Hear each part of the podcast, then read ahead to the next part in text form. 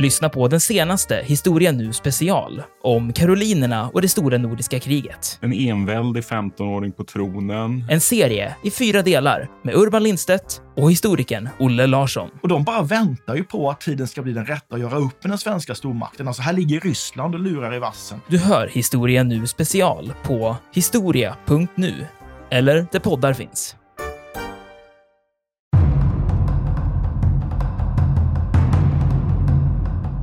De här flygplanen som man då släpper upp också, där har man ju andra aspekter på det här som ju, som det heter, gränssättande.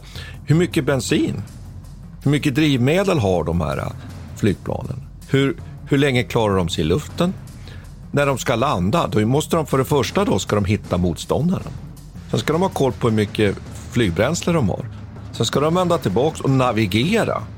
Och det är inte så att alla de här flygplanen har någon radar eller någonting sånt vid den här tiden mycket svårt. Så ska du hitta tillbaka, du ska hitta ditt eget hangarfart. Du ska landa på ditt eget hangarfart. Det kanske redan är träffat, det kanske brinner. Och det här inträffar ju väldigt ofta att man anfaller och lyckas med sitt anfall. Sen tar bränslet slut. Sen är det bara att hoppa i fallskärm och, och släppa flygplanet till vattnet.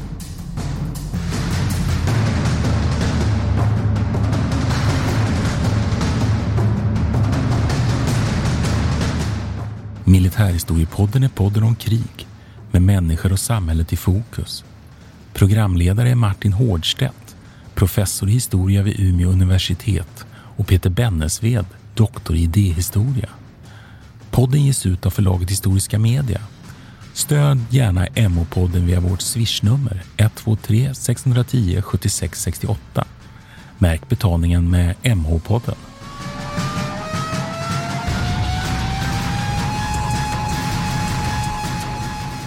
Välkomna till Militärhistoriepodden. Det här är Peter Bennesved. Och det här är Martin Nordstedt.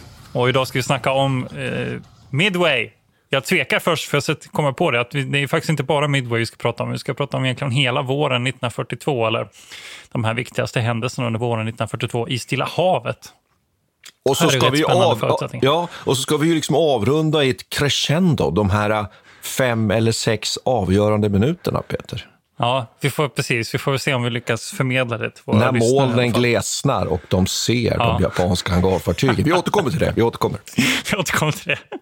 Ja, Nej, men, och det, det som det här handlar om det är ju nu att, lyssna får komma ihåg här nu att, att Japan har expanderat under, de har ju lyckats med sin Pearl Harbor-räd, eller lyckats lyckas med en vi kan, för, för, nu i alla fall kan vi säga så. Och de har expanderat över hela Stilla havet, tagit över alla de här öarna. De har eh, besatt Korea och Manchuriet och de har liksom nått sitt klimax egentligen. Så, så här stora som de är nu eh, kommer de eh, inte vara så särskilt länge. Och, och målet är nu att överleva den här amerikanska rustningen som, som de vet kommer som en hämnd på Pearl Harbor blir ju då att försöka utesluta amerikanerna så gott som möjligt. Se till att stänga av eh, vattenvägarna mot Stilla havet. Och detta har, eh, gör man på lite olika sätt. Amerikanerna samarbetar ju också med Australien förstås. Och deras första mål är ju egentligen att röra sig mot, ner mot Australien, mot Nya Guinea och de här områdena för att försöka stänga ute eh, Australien från det här resursförloppet. För de blir ju som eh, vad ska man säga, Australien blir som en mellanlandningsstation också upp mot, upp mot eh, de här öarna, norr mot, eh, ut mot Japan. Men tänk alltså egentligen Peter, att planen var att eventuellt då ha möjlighet att ta Australien. Ja, det är ju helt... Det är en, det är en, en svindlande, men, svindlande tanke måste jag säga. Men det är ju inte det som är egentligen målet. Va? Som jag förstår det så har väl inte målet varit att ta Australien, utan det är snarare bara låsa ute dem från de här kontakterna med USA. Mm. Eller? Har jag tolkat det jo, fel? Jo, jo, absolut. Men att, att det är ändå, tycker jag, en, en svindlande tanke på just det här japanska imperiebygget. Att stänga ja. ute väst fullständigt från, från Sydostasien. Det är ganska... Ja, det är, det är ju ett, ett megalomaniskt projekt får man ju säga. Ja. Men de vet ju att de har de här sex månaderna efter Pearl Harbor. Ja, Yamato säger ju det. Han ja. säger ju det till kejsaren, att jag, jag, kan, jag kan löpa amok och, och, och göra vad jag vill under sex månader, men sen kommer det vara slut. Och, och det intressanta är ju att vi kommer ju konstatera i, under dagens avsnitt att hur rätt han egentligen får då. Tyvärr Precis. ur japansk synvinkel. Och det som händer nu då, det är ju att i februari påbörjas den här offensiven ner mot Australien det, i det. med ett par mm. bombräder, ganska hemska bombräder mot Darwin, en stad i norra Australien, som är en viktig eh, hamnstad. Och, och, eh, och detta sker då med hjälp av hangarfartyg.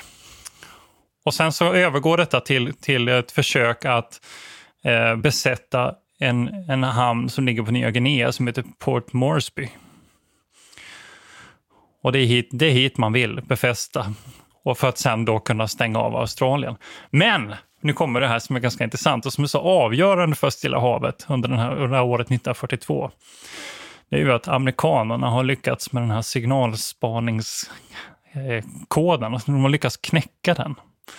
Så från amerikansk sida så vet man nu om, eller man vet inte exakt, men man, man får ju vissa signaler. Man lyckas lägga ihop ett pussel och förstå att, att japanerna är på väg ner mot Australien. Vi måste försöka stänga av detta. Och detta blir då alltså upptakten till det eh, som är känt som slaget vid Korallsjön. Det ska man kunna lägga till där också, att ja. det förefaller som att den japanska krigsledningen här också har ett ganska stort mått av, av övermod.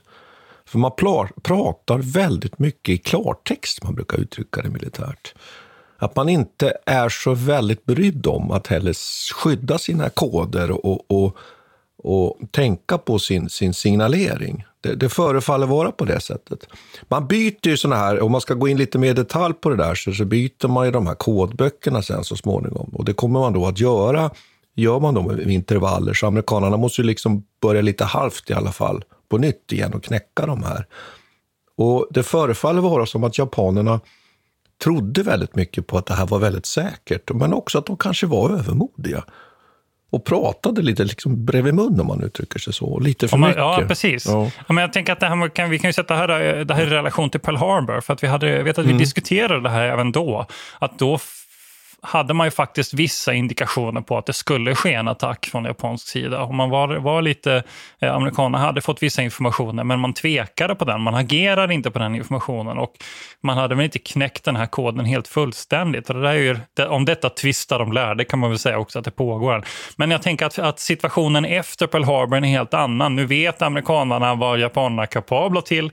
De tvekar inte de, de har förstått att, att eh, det här är en makt att räkna med. Så, att så på det viset kanske man tar den här informationen på ett annat sätt. Man ser till att verkligen lyssna på de som håller på med signalspaning ja, för, på ett annat vis. Ja, för det var det och, tänkte, och japanerna, och, och japanerna, får bara avsluta, japanerna på sin sida har ju gott självförtroende i, för de vet ju vad de har lyckats med. Så det, kanske, det är kanske ett samspel där då. Ja, men det där är något som jag tycker är jätteintressant som du, som du nu tar upp här. Just det här att man, man har lärt sig vad de är kapabla till och att man liksom hade inte förmåga eller möjlighet att dra rätt slutsatser av den lilla information man hade innan Pearl Harbor. Nu, nu är läget ett helt annat. Jag tycker det är, det är en spännande underrättelsefråga som ju ofta är avgörande. Mm i krig. Jo, det är någonting, eh, vi kan prata om det mer sen när vi kommer till eh, närmare oss Midway också, att det finns mer äh, saker att säga om det här. Men i alla fall, för att äh, samla ihop tankarna här lite nu, nu japanerna är på väg ner mot Port Moresby. Äh, de har en invasionsstyrka med ett litet hangarfartyg som understöd och ett antal kryssare och, och, och jagare. Sen har de också en hangarstyrka, hangarfartygsstyrka på två skepp som heter, eh, två, som heter Suikaku och eh, Shokako. Och då, de här går norr om Solomonöarna egentligen. De ska runda den här yttersta spetsen på Solomonöarna och sen så eh, gå in i Korallsjön. Och man har vissa man har viss information om att amerikanerna antagligen kommer att försöka stoppa det här försöket. För de har ju hört signalspaningen, de är på väg dit, eller de har, de har fått information, de är på väg ner mot Korallsjön för att stoppa upp det här. Eh, så då tänker man sig att de här två japanska hangarfartygsstyrkan ska röra sig in mot Korallsjön och så att säga, ta eh, amerikanerna i flanken. Life is full of awesome what ifs, and some not so much, like unexpected medical costs. That's why United Healthcare provides Health Protector Guard fixed indemnity insurance plans to supplement your primary plan and help manage out of pocket costs. Learn more at uh1.com. Quality sleep is essential. That's why the Sleep Number Smart Bed is designed for your ever evolving sleep needs. Need a bed that's firmer or softer on either side? Helps you sleep at a comfortable temperature? Sleep Number smart beds let you individualize your comfort so you sleep better together. JD Power ranks Sleep Number number 1 in customer satisfaction with mattresses purchased in-store. And now, save 50% on the Sleep Number limited edition smart bed for a limited time. For JD Power 2023 award information, visit jdpower.com/awards. Only at a Sleep Number store or sleepnumber.com. I'm Sandra, and I'm just the professional your small business was looking for. But you didn't hire me because you didn't use LinkedIn jobs. LinkedIn has professionals you can't find anywhere else, including those who aren't actively looking for a new job but might be open to the perfect role, like me. In a given month, over 70% of LinkedIn users don't visit other leading job sites. So if you're not looking on LinkedIn, you'll miss out on great candidates like Sandra. Start hiring professionals like a professional. Post your free job on linkedin.com/achieve slash achieve today. Det här är ju ett eh, intressant eh, episod, för det är egentligen det första slaget som sker med bara hangarfartyg. Och det ger ju lite speciella förutsättningar. För Ja, det de första så ser ju ser inte de, varandra. nej. Nej. de ser ju inte varandra. Nej. Under någon, något tillfälle egentligen så, så stöter de här skeppen aldrig på varandra. Och, och ett jättestort problem är ju just eh, spaningen över vattenytan här. Alltså de skickar, båda sidor skickar upp plan hela tiden för att spana efter varandra. Men de hittar inte varandra och så kommer en dimma och det blir olika typer av väder som ställer till det för dem. På det viset så under ett par dagar här så åker de egentligen bara runt. De cirklar varandra och i vissa tillfällen är de ganska nära också men de upptäcker aldrig varandra. Eh, så det här blir- det blir en ganska utdragen process. Och det slutar väl egentligen med att eh, Lexington och Yorktown, de två hangarfartygen som var utsända från amerikansk sida, de upptäcker den här invasionsstyrkan som kommer ner och skickar iväg alla sina plan för att sänka den lätta, eh, det lätta hangarfartyget där som, som är utskickas som understöd. Och de lyckas med detta, det här lilla skeppet Shoho får ordentligt med stryk. Och detta stoppar faktiskt upp hela invasionsföretaget. De inser att här har vi inte möjlighet att slå tillbaka, så de vänder faktiskt det här och stoppar upp det här. Men på vägen tillbaka då så möter man då de här två eh, japanska eh, hangarfartygen också. Eh, och det blir batalj. Och det här blir intressant. Det finns egentligen ingen som vinner det här slaget. Man har kallat det å ena sidan en draw då på engelskt lingo. Men eh, man kan i och för sig säga att det var en taktisk seger i det att man fick amerikanerna att lämna Korallsjön.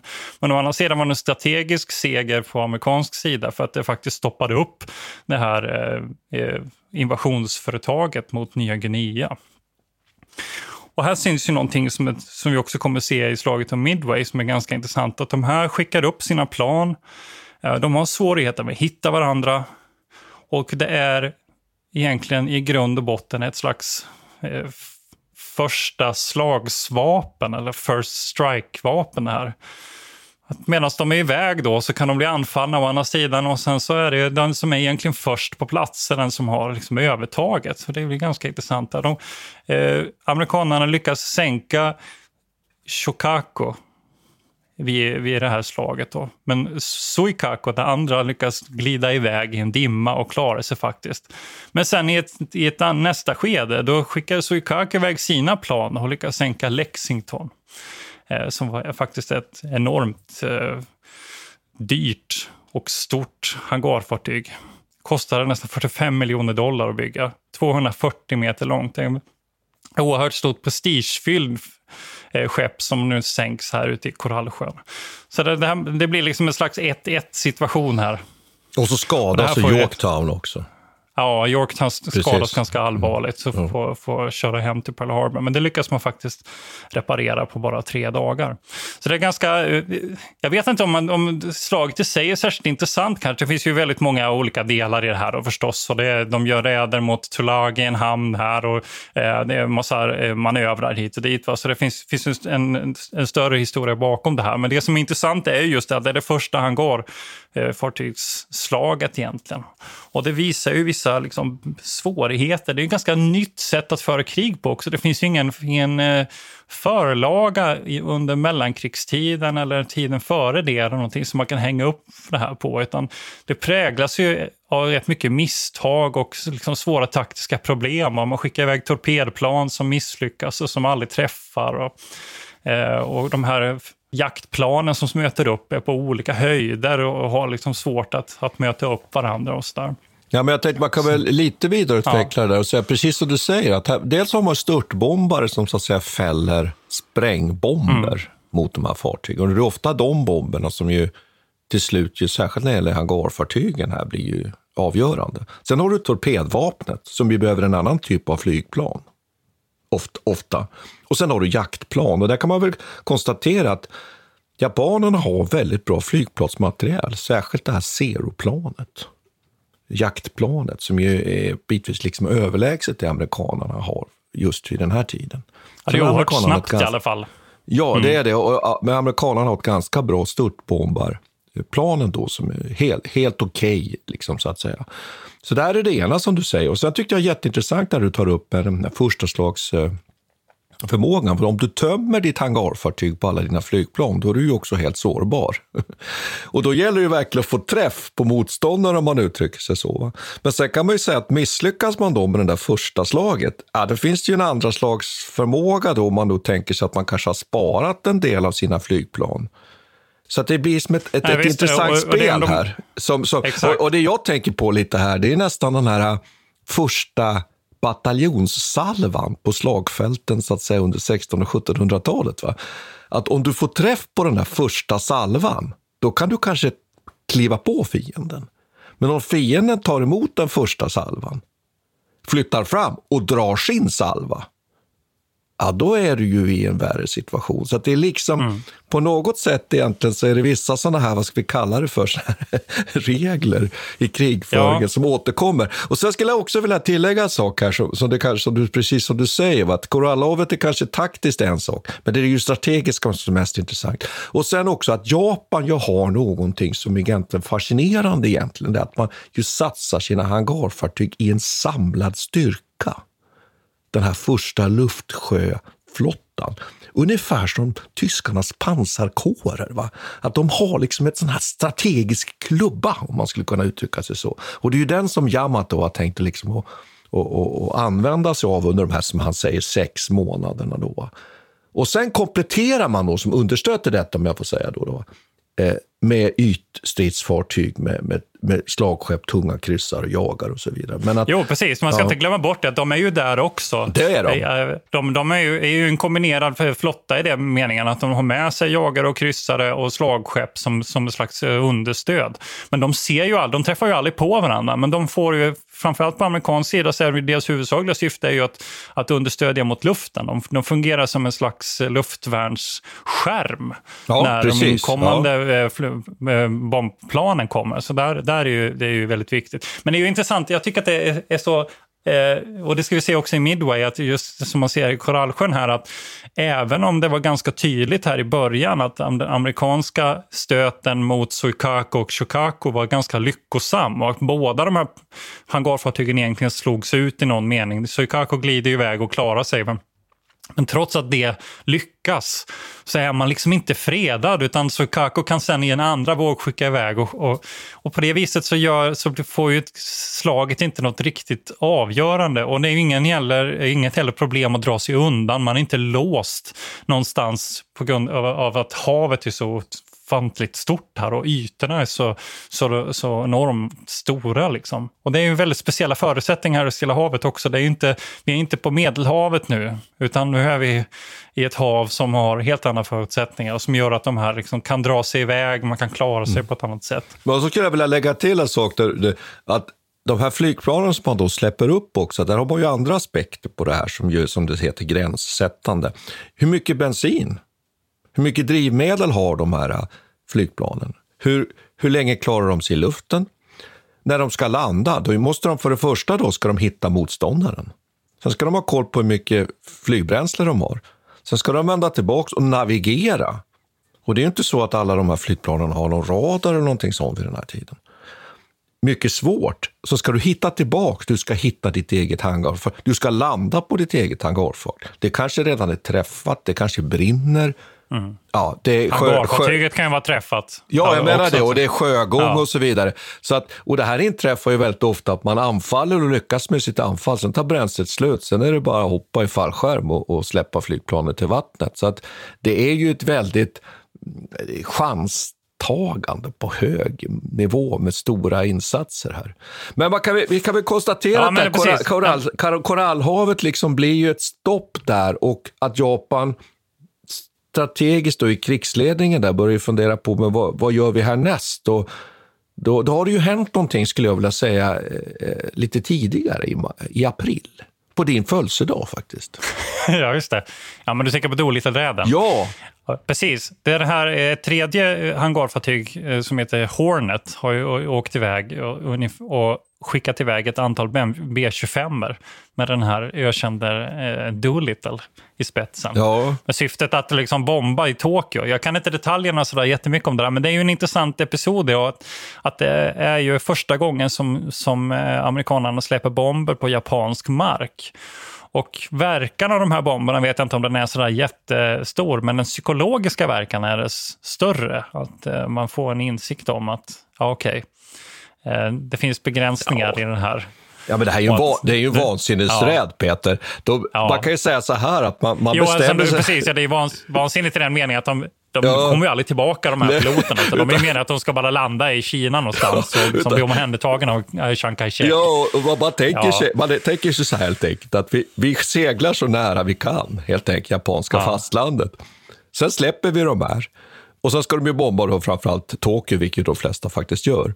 Och sen ska de landa då, då har man skickat ett meddelande till Chiang Kai-shek då. Och då kanske lyssnarna undrar vem Chiang Kai-shek är, men det är ju nationalist-Kina som ju fortfarande har kontroll över delar av Kina vid den här tiden. Mao Zedong är ju inte riktigt aktuell än, det är ju lite senare så att säga. Och eh, har då kontroll över kinesiskt territorium som inte japanerna har koll på. Men man säger inte vad målet är, utan de säger bara att det kommer komma ett antal B25. or Och det är ytterst få som kommer. Det är 80 stycken piloter ungefär och personal, om man uttrycker sig så, besättningar på flygplanen. Men det är faktiskt så att 61 överlever. Det är helt otroligt. Några blir inte frågatagna av japanerna och sådär. Ja. Men, men, det är ju en helt vansinnig räd. Va? Och de här, som du säger, de här 16 planen, de, de ser man ju aldrig mer i stort sett. Va? Ja. Och, men effekten som du säger, här, då inser man från Japan, det är ju hål. Det finns ju ett hål i våran Stilla havs, vad ska vi kalla det för, försvarslinje. Och Midway ligger ju väster om Pearl Harbor, Hawaii. Och då tänker man så att vi måste nog täppa till det här hålet. Det här kan vi inte acceptera. Vi måste täppa till det här hålet och vi kanske också ska ta chansen att kunna ta Hawaii. Och då bygger man en, en, en, en, en operativ plan där man också tänker så här att Midway är egentligen inte så intressant, utan om vi dessutom skulle kunna locka fram nu de här amerikanska hangarfartyg. För vid den här tiden nu då så är det ju faktiskt så att Japan har ju materiellt övertag. Och det är ju det här Yamato vet, att det kommer inte vara så länge. Utan, och nu har amerikanerna dessutom förlorat Lexington ja, som var deras, ett av deras flaggskepp. Men Yamato vet ju, och japanska krigsledningen vet ju det, att kommer den amerikanska krigsindustrin igång så kommer de aldrig kunna tävla med amerikanerna. Utan det gäller att det här och nu så kan man locka in då helt enkelt de återstående stora amerikanska hangarfartygen som ju faktiskt är bara två plus Yorktown som ju japanerna inte vet faktiskt, ju eh, fixas till, som du säger, som ju faktiskt lagas. Så det betyder ju att här skulle man då kunna smasha de amerikanska hangarfartygen och sen skulle man kunna få ytterligare månader då att eventuellt då genomföra det här anfallet på Australien. Så det är väldigt mycket som står och väger, eller hur? Mm. Väldigt, väldigt dramatiskt skeende.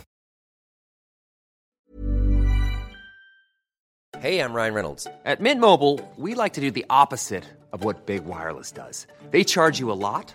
we charge you a little. So naturally, when they announced they'd be raising their prices due to inflation, we decided to deflate our prices due to not hating you. That's right. We're cutting the price of Mint Unlimited from $30 a month to just $15 a month. Give it a try at mintmobile.com slash switch. $45 upfront for three months plus taxes and fees. Promote for new customers for limited time. Unlimited more than 40 gigabytes per month. Slows. Full terms at mintmobile.com. One size fits all seemed like a good idea for clothes. Nice dress. Uh, it's a It's a T-shirt. Until you tried it on. Same goes for your healthcare. That's why United Healthcare offers a variety of flexible, budget friendly coverage for medical, vision, dental, and more. So, whether you're between jobs, coming off a parent's plan, or even missed open enrollment, you can find the plan that fits you best. Find out more about United Healthcare coverage at uh1.com. That's uh1.com. Millions of people have lost weight with personalized plans from Noom Like Evan, who can't stand salads and still lost 50 pounds. Salads, generally, for most people, are the easy button, right? For me, that wasn't an option. I never really was a salad guy. That's just not who I am. But Noom worked for me. Get your personalized plan today at Noom.com. Real Noom user compensated to provide their story. In four weeks, the typical Noom user can expect to lose one to two pounds per week. Individual results may vary. Korallsjön ställer ju till det på det viset att de förlorar. De hade ju faktiskt tänkt att kraftsamla, som du pratade om tidigare, ja. den här kraftsamlingen. De hade ju tänkt ha med sig Sukako och Shukako här också, men de blir ju av med, med egentligen båda. Så att styrkan är ju, är ju lite... Nere på fyra stora hangarfartyg. Ja, det är nere på fyra. Mm. Och det är också Hornet kommer tillbaka, eh, som Eh, de hjälpte till med den här Doolittle-räden. Den var ju på väg ner mot Korallsjön egentligen, men vänder upp mot Pearl Harbor. Så de samlar ju ihop här Yorktown, Hornet och så finns ju Enterprise, Enterprise Pearl Harbor. Ja. Mm. Så det är nog tre stora. Och sen har ju då japanerna sina fyra stora. Då. Akaku, Kaga, Higuryu och Suruyu. Jag tror att jag uttalar det rätt. Fyra ja, stora kanske. kanske. Ja, vi vet inte. Jag är inte helt säker.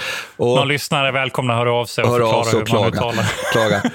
eh, och då bestämmer man sig för från japansk sida att vi, vi, vi gör så att vi, vi genomför ett, en, en, en anfallsräd nu mot, mot eh, Midway helt enkelt, som ju är egentligen att betrakta som en atoll eller en, en, en flyg, ett flygfält. Och där har amerikanerna en del flyg, flygstridskrafter helt klart. Men amerikanerna vet inte ännu då att det här anfallet är på väg. De vet ju inte om detta. Och där kommer ju det här du som du var inne på nu då, underrättelsebragden här. Ja. Jo, precis. Och det här är ju är jäkligt intressant att eh, i, på Hawaii, där i Pearl Harbor, så har man ju fortsatt med den här signalspaningen. Och då börjar man snappa upp en hel del information om en förestående attack mot någonting som kallas bara för objektet. Ja. Ja, och man vet då, man får reda på ungefär vilken dag det rör sig om och att det kommer att ske en slags överraskningsattack. Mot AF. Eh, men man vet, AF. Ja, ja, ja, precis. AF. Men man vet inte var, var någonstans det kommer vara. Så det här är ju rätt eh, eh, intressant. Och då finns det ju en kille som heter eh, Rockfort här som har blivit känd för den här episoden som är en slags signalspaningsofficer. Och han genomför en ganska slug plan. Det är så att eh, man, de använder då, då har de faktiskt en kabel, en undervattenskabel till Midway. Som man kan kommunicera via. Eh, och via den då så, så eh, skickar man över beskedet att man från Midway ska skicka ut ett radiomeddelande där man säger att deras destillatormaskin, eller de har apparatur för att destillera vatten helt enkelt, för, för det är så dåligt, det finns inget sötvatten där. Då ska de säga att den här maskinen har gått sönder. Jag slut på dricksvatten helt enkelt. De har ja, problem det så, med dricksvatten. Och antyda, ja. Precis, och antyda att eh, de har problem med dricksvatten. Och när de gör detta då så ser man till att lyssna av den japanska radiotrafiken här nu. Och då märker man att japanerna signalerar att det objektet har problem med sin vattenförsörjning. Det är otroligt och på smart. Den vägen, ja, på den vägen lyckas man då sluta sig till att det är just Midway-öarna som de är ute efter. Just det. Och det här är ju, är ju ett... Eh, jag vet inte, kanske, kanske den mest kända liksom, underrättelseepisoden under andra världskriget. I alla fall på, i amerikansk historieskrivning är det ju det. Mm, I Stilla havet i alla fall. Och då skulle jag lägga till det att ja. Japan har ju, är ju också finurliga på, sitt, på sin sida här. Att man ju jobbar med en division bland annat mot Alaska och sådär. Och det, det, här går ju inte amerikanerna på då, för då vet Nej, precis, man ju. Man har information om det också. Ja, man vet Exakt. ju det. Så, men samtidigt är det ju så här att trots det här nu då att amerikanerna har full vetskap om att nu kommer anfallet mot Midway så är det ju ändå så att det är en förkrossande japansk överlägsenhet, både i antal hangarfartyg men också framförallt i antal flygplan. Och det här vägs ju inte upp av att det, fanns, att det finns att säga flygplan på det här fasta hangarfartyget Midway, om man uttrycker sig så. För så skulle man egentligen kunna betrakta Midway mm. egentligen som ett, ett icke flyttbart hangarfartyg här. Då.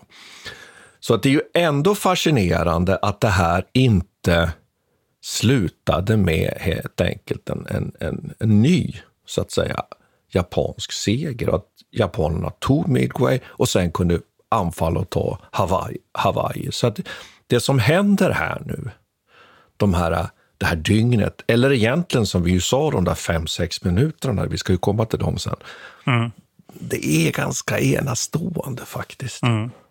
Att, att man, och så kan man ju fråga sig då, om det nu hade varit så, det skulle jag vilja ta den diskussionen, att hade japanerna slagit ut Midway, som egentligen inte har någon stor betydelse i sig, men tagit Hawaii, hur hade amerikanerna hanterat den där situationen? Att de liksom egentligen hade blivit utestängda från Stilla havet, hade inte haft någon bas längre, utan hade varit tvungna att operera från, från egentligen amerikanskt fastland.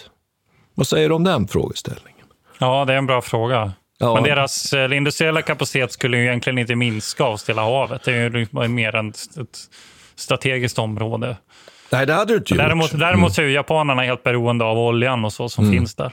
Ja, men det är en intressant Ja, frågeställning. det, det, är klart att, ja, det är klart man Ja. inser ju någonstans att amerikanerna hade ju haft resurserna att återta säkert de här öarna eller kanske opererat via Australien, men det hade ju blivit en mycket, mycket, mycket längre väg. Det, Mm. det ska man ha klart för sig. Det hade blivit ett, säkert ett förlängt krig. Det, det kan vi konstatera i, ett sånt här kontrafaktiskt Men klart, de spekulerar ju själva i med om att, alltså, några av tankarna, tankegångarna i Pearl Harbor är ju att de kommer försöka sig på en attack mot San Francisco till exempel. Ja. Faktiskt skulle försöka se på en bombattack där och så. Men, men, men det är ju svårt så här i efterhand att, att se hur de skulle lyckas med det på lång sikt eller vad det skulle liksom leda till. Jag kan inte tänka mig att amerikanerna skulle gå med på något, något, slags fredsfördrag eller liksom sluta fred med japanerna under de här förutsättningarna. Det är helt Nej, omöjligt. Nej, det, det, men det tror inte jag heller. Men, men man kan väl konstatera här att, att precis som det är med det här kriget i någon mening, att när vi nu är tillbaka till den här Yamato igen, hans klarsynthet att det här är egentligen på lång sikt aldrig kommer kunna bli något bestående, den, det, det är så givet och det är ju som en sån där, men på något sätt får man väl ändå uttrycka det, att det är ett ganska onödigt krig egentligen. Japan Mm. borde ha insett att det här egentligen var en meningslös kamp i någon Ja. mening. Då. Det, det är lustigt. Det kom en allmän reflektion också. Det här känner vi ju till även från Hitlers resonerande om på invasionen av Polen. Att det- det är som att de ändå inser de här förutsättningarna. Eh, Ja. I stunder av klarhet så har de här galenpannorna ändå någon slags insikt i vad som komma skall. Och Hitler resonerar ju också som så att ja, men om britterna går med i det här kriget då kommer vi förlora det. Och det är precis det som händer. Och här ser vi lite samma sak med japanerna. Men nu är man ändå så är det som att krigets hjul bara tuggar på och de fortsätter. Hur som helst så kan vi fundera på hur reagerar amerikanerna på att de har den här informationen. Ja, det, det de gör är som du lite grann varit inne Ja. på, att de, de låter sig inte luras av den här avledningsmanövern mot eh, de, eh, aloiterna uppe och i, i, mot, mot eh, Alaska, utan eh, går egentligen och samlar ihop sina hangarfartyg och samlar ihop en, en enorm styrka egentligen och, och kör mot Midway. Eh, och, och japanerna kommer från sin sida då egentligen i tre stora grupper. En hangarstyrka med de här fyra hangarfartygen som kärna. Sen har man också en slags slagstyrka där Yamato, eller, eh, Yamamoto sitter. På sitt slagskepp Yamato för övrigt som är med här. Som är världens största och kommer förbli en, till en idag. Och den här styrkan är ju, då tänkt att möta upp en potentiell amerikansk eh, motståndare. De vet ju fortfarande inte om här att amerikanerna har ju kraftsamlat här i närheten. De befinner sig bara ungefär fem, 560 kilometer från varandra, eller 56 mil eh, från varandra. Men japanerna vet inte om detta än. Och sen har man en tredje styrka, en invasionsstyrka. Just det. Som också är rätt intressant. Och så skulle jag ska vilja liksom lägga till en sak. Ja, jag skulle Ja. vilja lägga till en sak också som vi inte får glömma bort här. Att också ubåtar finns ju med här. För det blir lite lätt att vi tappar bort dem. Att de blir ju fatala sen här faktiskt när det gäller åtminstone ett av de amerikanska eh, hangarfartygen. Men precis de där tre delarna. Och så, det man kan konstatera här då, jag var ju lite inne på det här att japanerna var överlägsna, så räknar man i antal då eh, bombflygplan, störtbombarflygplan, torpedbombflygplan då, så har alltså japanerna mer än 270 plan tillgängliga på, ombord på sina hangarfartyg. Och amerikanerna har bara 180. Så oddsen är ganska tuffa. Men man kan väl säga så här, det tror jag du håller med om, att amerikanarna gillrar ju å sin sida nu en fälla här. För de är ju medvetna om att japanerna ju säkert inte vet om att de ju faktiskt nu koncentrerar ju faktiskt två plus ett hangarfartyg. Alltså tre amerikanska hangarfartyg är på väg nu för att helt enkelt korsa den här anfallsstyrkans nu då väg mot, mot Midway. Så lilla Midway, som kanske egentligen inte var så, så mycket att slåss om nu, hamnar ju liksom i centrum på, ett, på, ett, på, på, liksom, på den här fantastiska liksom, nu striden, om man nu får uttrycka sig så, om krig. Ja, det är, det är världens största sjöslag här egentligen ja, vid det här taget. Det finns ju inget sjöslag som har samlat ihop så många så, så många styrkor egentligen fram till den här punkten. Ja, det är väl det här, möjligt, möjligtvis det som kommer senare sen, det här vid Leuten, Leuten lite senare, eh, återtagandet mm. av, av Filippinerna. Men vi kan väl ta den diskussionen då, tycker jag. Men det är ju helt klart ett av världens största sjöslag. Och också som vi har varit inne på, det är, det är ju på många sätt unikt därför att det återigen, precis som i Korallhavet, då, så är det ju de här det är luftstridskrafterna. Så är det egentligen ett sjöslag, Peter? Ja, man, ja man, kan nästan undra. Luft, luftslag. Ja, precis. Slagskeppen träffar ju aldrig på varandra. Nej. Eh, den här eh, Yamamotos slagstyrka är ju egentligen värdelös i den. Den, den bidrar ju inte med någonting. Amerikanerna anfaller ju en del av, av, av de här eh, eskortfartygen också, men det är inte de som står i centrum här. Men det man, Nej, kan, väl säga, det man kan väl säga, ska vi, ska vi öppna upp nu den här enormt dramatiska... Ja, ska vi, precis, ska vi göra det? Jag sitter bara och väntar på att få, få dra det här ja, nu, för det är så vi. härligt. Kör, vi ska kör, köra. Kör, Så får vi hjälpas åt här, vi ska se. Eh, jo, det börjar ju med att helt enkelt att man bestämmer sig från japansk sida att vi vi, anfaller naturligtvis med nu sprängbomber, så anfaller vi Midway. Så det är ju det första som händer. Man släpper iväg eh, helt enkelt en våg med eh, flygplan mot Midway. Och hur svarar Midway här nu då? Ja, man skickar ju upp det man har. Man blir ju för, förvarnad. Eh, men man har inte riktigt den flygplatsmateriel som man kanske skulle ha behövt. Jag tänker nu på snabbare jaktflygplan och så vidare. Utan det är ju så här att väldigt många av de flygplan som faktiskt skickas upp från Midway kommer ju att helt enkelt skjutas ner. Men det fina i kråksången med att man ändå lyfter de här flygplanen, det är ju att de slås ju inte ut på, på marken. Och det gör ju att när japanska flygplansstyrkan då efter fullbordat uppdrag vänder tillbaks till hangarfartygen meddelar ju sin chef att nah, vi måste nog, vi måste nog faktiskt anfalla en gång till. Därför att det blev inte fullständigt förstört vare sig på marken och dessutom finns det kvar nu då flygplan på Midway som bör, behöver bekämpas. Så det här är väl en viktig start, eller hur? Så Absolut. när de japanska planen landar på hangarfartygen. Nu kommer det ödesdigra beslutet. Nu kommer det ödesdigra beslutet. Ta det Peter, du får den. Du får den. Ja, men admiral Nagumo då, som sitter här och ska besluta om det. Han som är eh, befälhavare för den här hangarstyrkan. Han bestämmer ju då att Okej, okay. han har fått information faktiskt om att det finns en amerikansk eh, ja, flottstyrka i närheten. Han vet viktigt. inte riktigt vad den består av. Ja, det är Nej, han har fått information ja. om detta. Att det är åtminstone vet... ett hangarfartyg. Ja, åtminstone ett hangarfartyg är på väg. Ett amerikanskt hangarfartyg är på väg. Men då gör han den här stora chansningen. Ja. Han beslutar sig för att gå för en andra räd mot Midway. Och detta betyder att de här planen måste lastas om med, bomb, med bomber Igen. för mark. Därför att när de ja. landar så börjar de plocka på dem torpeder. Exakt. Men då gör de en om, eh, ombeväpning och så kör de sprängbomber då. Och det är rörigt ombord på de här fartygen ska sägas nu också. De här olika Men de lyckas med detta i alla fall i tid och så skickar de väl iväg dem? Ja, och när de då är på väg och, och, och bombar Midway, det är då det, det, och, och sedan då så att säga kommer tillbaka, då, då släpper ju amerikanarna sina stridsflygplan från sina hangarfartyg. Det är ju det här som är så spännande nu. Och, och vad, vad händer då där? Vad händer där? Det är Hornet som släpper sina torpedplan. 41 stycken torpedplan släpper man iväg i denna räd. Och här är ju någonting också intressant som säger rätt mycket om hangarfartyg som vi varit inne innan på. Att de har ju enorma problem. För det första så hittar de inte japanerna. Och de blir också hårt bekämpade av eh, jaktplan, Zero, som kommer upp i luften. Så den här första räden, trots att man hade det här guldläget, misslyckas faktiskt i ett inledningsskede. Av 41 ivägskickade Eh, torpedplan så är, skjuts 35 ner och inte en enda torped egentligen slår in i något av de japanska plan, äh, fartygen.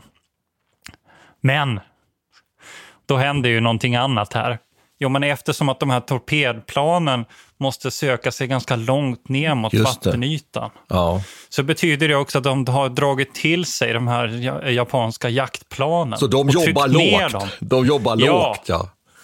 Och, det vad spel- händer då?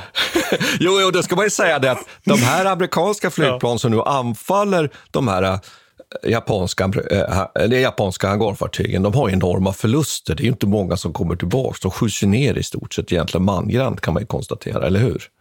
Får ju inte in några träffar här.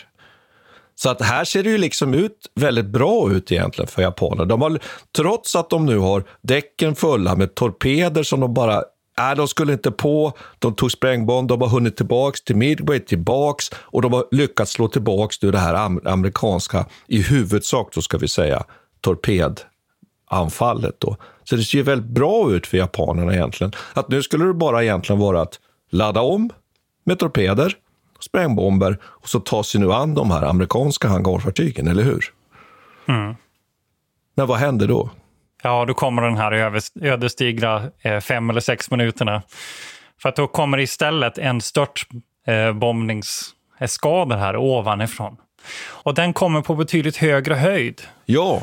Så, så de blir ju aldrig, får ju egentligen eh, inget motstånd, va? för de här Zeros jaktplanen är på för låg höjd. De kan inte ta sig upp. Nej. Så detta betyder att den här störtbombarna som kommer in mot de japanska hangarfartygen har inget som helst motstånd. Och under några minuter här så avgörs egentligen det här slaget. Tre av fyra hangarfartyg blir bombade med störtbomber. Och det, det här problemet är ju att också att hela de här däcken är fyllda av ammunition och bränslen under den här, som har tagits fram under den här omladdningen. Så effekten blir ju enorm när de här störtbombarna släpper sina bomber. och då skulle det jag- räcker ja. med ett par träffar bara, så, slå, så slås de ut. Ja, och då skulle jag vilja tillägga, det är 37 störtbombare här nu som liksom... De är också egentligen inte är helt säkra på var de befinner sig någonstans. Det är ju det här som är så också fascinerande, att, att många har ju beskrivit det här i efterhand, att de, de, de flyger ganska mycket på chansning, de vet inte riktigt var de är, de, kanske, de är i stort sett på väg att vända tillbaks, men så plötsligt så ser de hela den här japanska hangarstyrkan nedanför sig. Och så precis som du redan har beskrivit då, kan ta dem liksom när det är totalt kaos ombord på dem och när många, de allra flesta japanska flygplan dessutom står på hangarfartygens däck. Och så som du säger, tre inom loppet av några minuter alltså får så allvarliga träffar. Och då ska vi ju nämna att det fjärde sänks ju något senare. Mm. Något senare. Inget, jag tror inget av de här fartygen sänks i formell mening. Nej, men de det, skadas ju. det- De skadas, De ja. skadas så pass allvarligt att de inte längre kan delta i striden och de Ja. dras ju undan. Och det är faktiskt så att japanerna själva är de som sänker fartygen sen. För att Ja, man vill det- inte att de ska bli eh, övertagna av amerikanska krigsfartyg och boxeras hem som slags krigstroféer. Så det betyder Så alltså att att fy, fy, fyra stora, egentligen hela Japans strategiska slägga slås ut då inom loppet av några minuter här i stort sett, egentligen. Och så ska vi ju nämna det, att det är klart att japanerna anfaller ju också de amerikanska hangarfartygen. Det är ju väldigt många vändor och svårt att hänga med i det här skeendet här. Ja. Och där, där sänks ju då så småningom York, Yorktown då. Skadas svårt och sänks. Why don't more infant formula companies use organic, grass fed whole milk instead of skim? Why don't more infant formula companies use the latest breast milk science? Why don't more infant formula companies run their own clinical trials? Why don't more infant formula companies use more of the proteins found in breast milk? Why don't more infant formula companies have their own factories instead of outsourcing their manufacturing? We wondered the same thing. So we made ByHeart, a better formula for formula. Learn more at byheart.com. Save big money on plant protection supplies. Now at Menards. Defend your garden with Triazicide Insect Killer. Its fast acting formula protects lawns, vegetables, and many other plants. It kills more than 260 insects by contact, above and below ground. Choose from ready to spray, concentrate, or granular. Save big money on Triazicide Insect Killer at Menards. And check out our weekly flyer on Menards.com for all the great deals happening now. Save big money. Traffic jams, tailgating, pileups. Ugh, The joys of driving. How could it get worse? The federal government wants to have a say in what you drive. That's right. The Biden administration's EPA is pushing mandates that would ban two out of every three vehicles on the road today. Don't let Washington become your backseat driver. Protect the freedom of driving your way. Visit EnergyCitizens.org. Paid for by the American Petroleum Institute. Det här betyder ju då, om man summerar det här egentligen, att här, här i efterhand, i, i samtiden, så är jag inte helt säker på att man insåg precis i, i, i samma sekund som det här händer, att kriget på något sätt liksom hade vänt. Men man inser ju veckorna, månaderna efteråt och framförallt nu när vi så här i lång tid i efterhand kan, kan betrakta det, så ser vi att det här är ju en sån där otroligt viktig vändpunkt. Och ofta brukar man ju fundera lite kring det där. Kan enskilda slag ha en sån här stor betydelse? Vi har ju några såna här vi har varit inne på. Slaget vid Leipzig till exempel, 1813. Avgjorde det Napoleonkrigen. Eh, vi har kvar att diskutera Stalingrad så småningom, har avgjorde det östfronten. Jag skulle ändå vilja säga faktiskt här, och nu får vi se om du har en annan åsikt Peter. Men Midway är ett av de där slagen som nog faktiskt har väldigt stor strategisk betydelse. Ja, eftersom det är så, så pass stora japanska resurser som Ja. försvinner. Och det är inte bara skeppen, ska man komma ihåg, utan de, japanerna är egentligen helt och hållet beroende av sin elitpilotstyrka också. Det är 110 piloter som försvinner här i och med att det här slaget förloras. Och också, det är fyra stycken fullvärdiga ingenjörstruppers besättningar som försvinner här också, som ska liksom sköta underhållet av de här skeppen som de är, är borta. Det där är egentligen en större förlust än själva skeppen i sig för dem. Och det här med piloterna är också ett problem. för att jag kommer ihåg, En anledning till att de be- befinner sig i det här kriget var, om vi om lyssnarna kommer ihåg det, men det var den här bränsleblockaden. Man har ju stort behov av bränsle inom japanska flottan. Och Det betyder också att man har jättesvårt att träna upp nya piloter hem, vid hemmafronten. Så varje pilot som försvinner betyder, är liksom en större förlust av den orsaken. Att det, finns inte bränsle i Japan att, att hålla igång det här krigsmaskineriet så mycket längre. Man har nått liksom sitt, sitt, sitt klimax och förlusten av de här är inte bara rena, inte bara metallen så att säga. Utan det är någonting annat. Och då kommer vi kommit till den här sex månaders gränsen också. Yamamoto eller, som sitter på, sin, eh, på sitt eh, flaggskepp Yamato inser ju nu, han, han ber ju faktiskt den resterande styrkan att ge sig, eh, ge sig fatt med, med eh, amerikanska hangarfartygen men, men beslutar i sista sekunden faktiskt att de ska vända.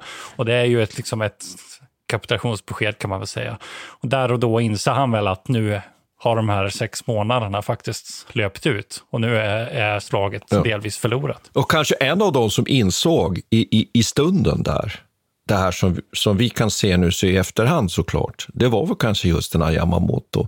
Jag tycker det där är så fascinerande. Så ska man väl lägga till här att, att ekvationen ju är ju den att amerikanarna hade ju så att säga osynliga resurser. De kunde ju sjösätta, om man säger så, hur många hangarfartyg som helst. De kunde öva sina piloter, de hade tillgång till bränsle, allt det här som japanerna inte har. Så från Midway-slaget och framåt så är det ju så helt enkelt att amerikanerna har ett materiellt övertag. Så här vänder kriget i, i Stilla havet.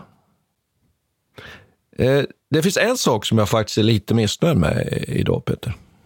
Okej, vad då? Det finns ingen finsk vinkel? Nej, det? nej. Nej. Men det är bara konst- alltså- vi kan bara konstatera att det fanns ingen finsk vinkel. Ja, men, nej, men vi kan väl ta det till, eh, vi kan väl ta det till, till Medelhavet och, och de europeiska förutsättningarna också. Vi kan i alla fall vi kan närma oss Europa. För att eh, om vi pratar om hangarfartygen och deras framtid och liksom i förhållande till slagskeppen, kan vi, vi kan avsluta lite grann med det. Att det här betyder ju också en slags vändning i, i vad ska man säga, sjökrigshistorien i de här slagen. Att det betyder att hangarfartygen får en helt ny roll och man inser dess värde. Men det är inte alla som håller med om det vid, det här, vid det här laget. Utan man fortsätter faktiskt att bygga de här slagskeppen och man fortsätter att använda dem i, de här, i mer klassisk mening. Och man har ganska stort förtroende för dem. Amerikanerna har faktiskt stor nytta av dem, även trots att man inser då hangarfartygens styrka. För att man behöver dem när man sen ska genomföra de här island hopping. När man ska ta Ja, över precis. alla dessa små Ja. öar så Ja. behöver man understöd av de här slagskeppen. Och slagskepp är väldigt bra sätt att möta andra slagskepp och de tål enormt mycket stryk. Men förutsättningarna har ju lite grann med klimatet att göra också.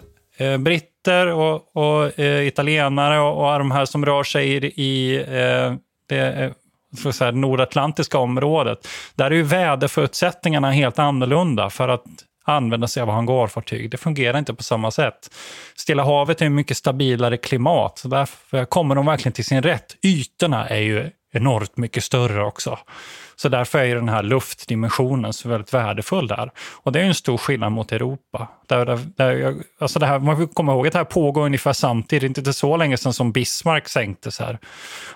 Ja, så det är stor skillnad. Det är inte närma oss Finland kanske, men det är ju ändå åt det hållet. Vad tycker du om det Martin? Nej, jag är nästan lite rörd att du försöker ge mig lite Finland här ändå. Men jag, jag, håller med, jag håller med dig om, att- och jag tror också att, att du, du har alldeles, alldeles rätt, att det är nedisning och sådana saker, till exempel i norra delarna av Atlanten.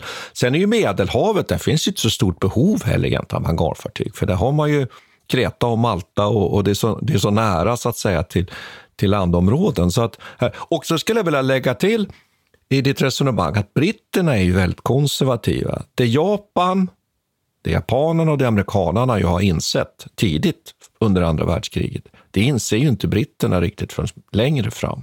Nämligen att hangarfartygen och luftkriget har, har så att säga kommit för att stanna. Så det där tycker jag också är en, en spännande skillnad. Så man kanske inte kan svara på varför britterna tänker på det sättet. Du har varit inne på en del argument för det, men också det kan vara ren, ren konservatism också, så att säga. Och sen just det där, jag vill bara förstärka det, att det som kommer nu på det här när det gäller Stilla havskriget, det är ju att vi ska följa hur precis amerikanerna ju återtar nu ö efter ö efter ö. Och det är ju en historia om ytterst blodiga strider.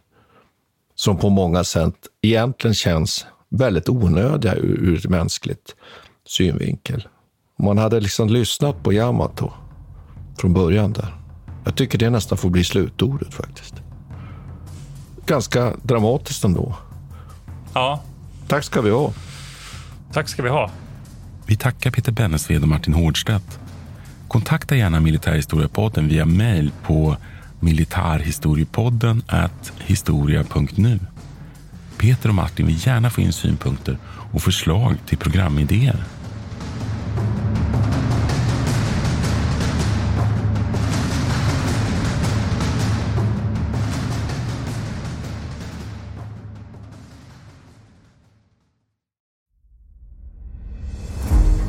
Jakob de la Gardie är den enda svenska fältherre som lett en armé till Moskva och trätt fram inför tsaren.